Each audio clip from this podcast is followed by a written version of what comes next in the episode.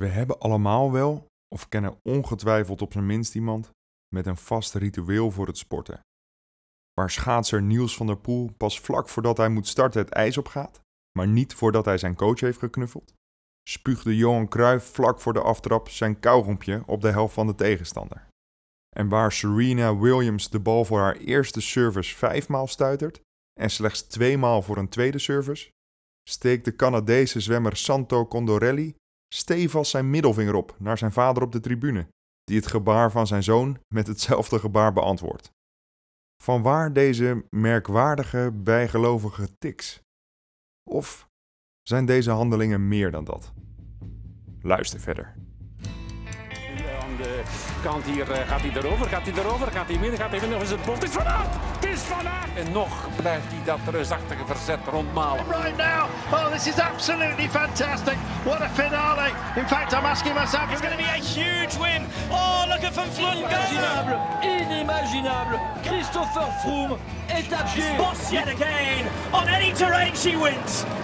Marianne Vos. Aanklampen, wat harken op eh, die klim. Maar dan beseffen, als de rest gaat zitten, dan ga ik door. Stoempende vedettes, elegante gesoigneerde hardrijders, snokkende Colombianen en hopeloos gelosten.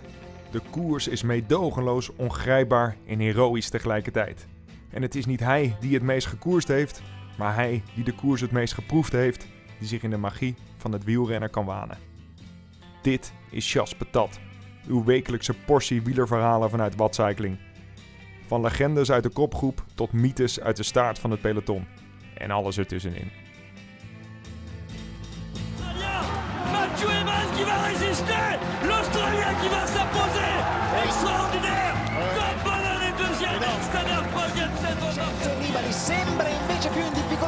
Alejandro Valverde si muove anche Porta l'azione dunque di Contador. Mathieu Van Der Poel's going to do it. Mathieu Van Der Poel. This is incredible. I have never, ever seen anything like this in my life.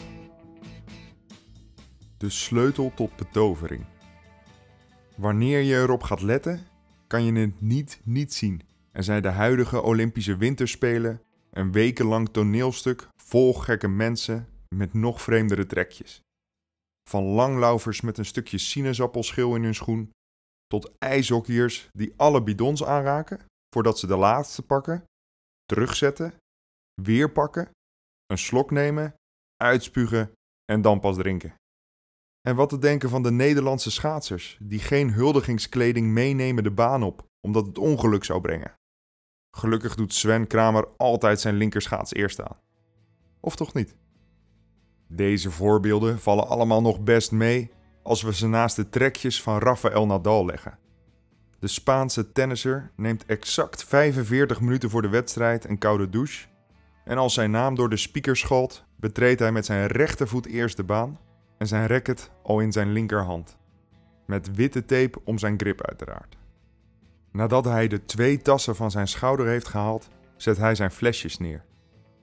Eén koude en één warme, waar hij om de beurt een slok uitneemt, om ze vervolgens diagonaal van elkaar richting de baan te plaatsen, met de logo's wijzend naar de kant waar hij op dat moment gaat spelen. En dan hebben we het nog niet eens over de zes handelingen gehad die hij stevast doet vlak voor het serveren. Om de overheerlijke bevrediging van deze rituelen beter te vatten, is het nuttig om te begrijpen waar deze rituelen de sleutel toe vormen.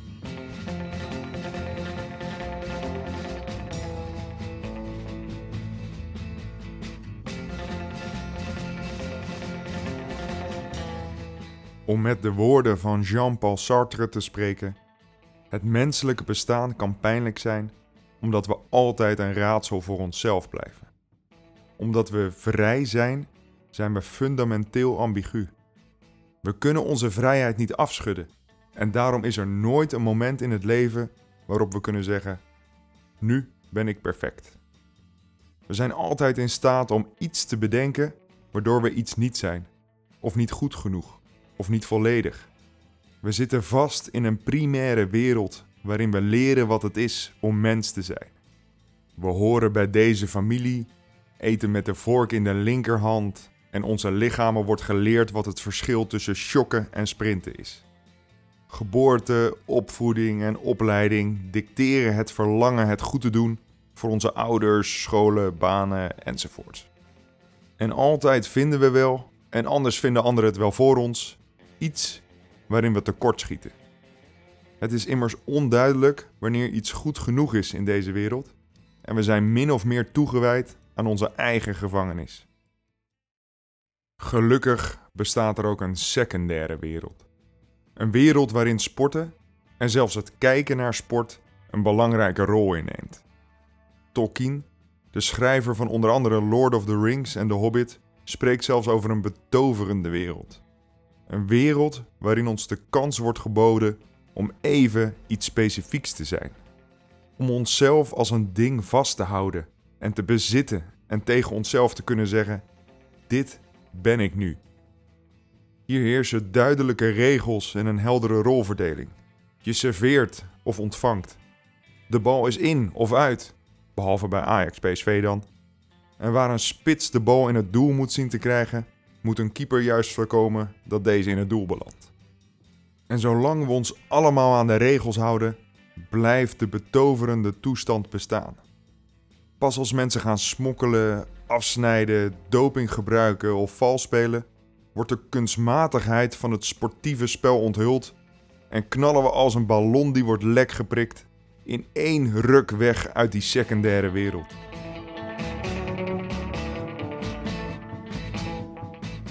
Een wereld met een betoverende staat, waarin we ontsnappen aan de verwarring, aan de angsten die voortkomen uit de onzekerheid over je plaats in de wereld, aan de offers die nodig zijn voor je opleiding, geliefde of baan.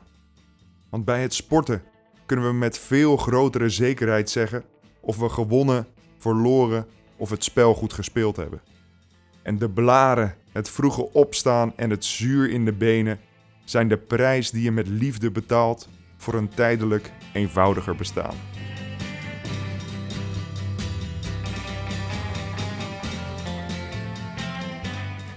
Het is een wereld waar we ons met hart en ziel op kunnen storten en zodoende een vakantie kan vormen van de wedstrijd die we het gewone leven noemen. De offers die we in deze betoverende wereld doen, geven ons grip op de dingen die normaal grip op ons hebben. Zoals tijd. Zover mijn geheugen gaat, heb ik een haat-liefde verhouding met tijd.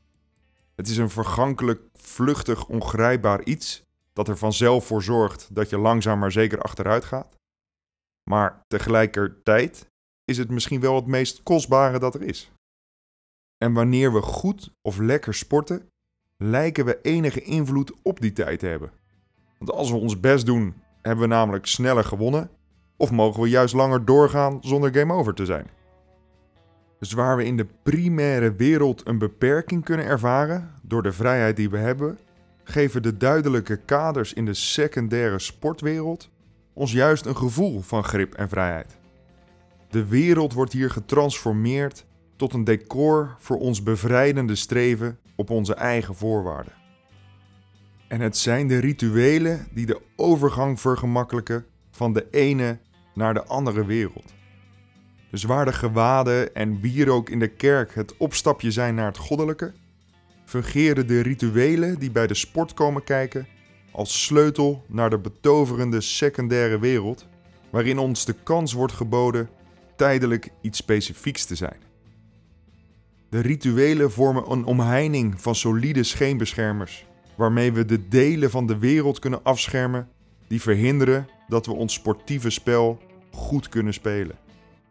Het laat de wereld even onze wereld zijn. Een wereld waarin het niet uitmaakt of je wint of verliest. Omdat het er net zoveel toe doet als je het ertoe laat doen.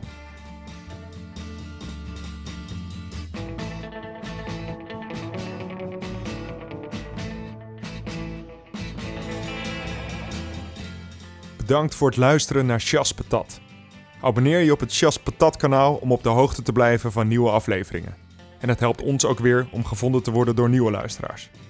Lees je liever zelf? Ga dan naar watcycling.nl slash patat. Want het is de streep die telt.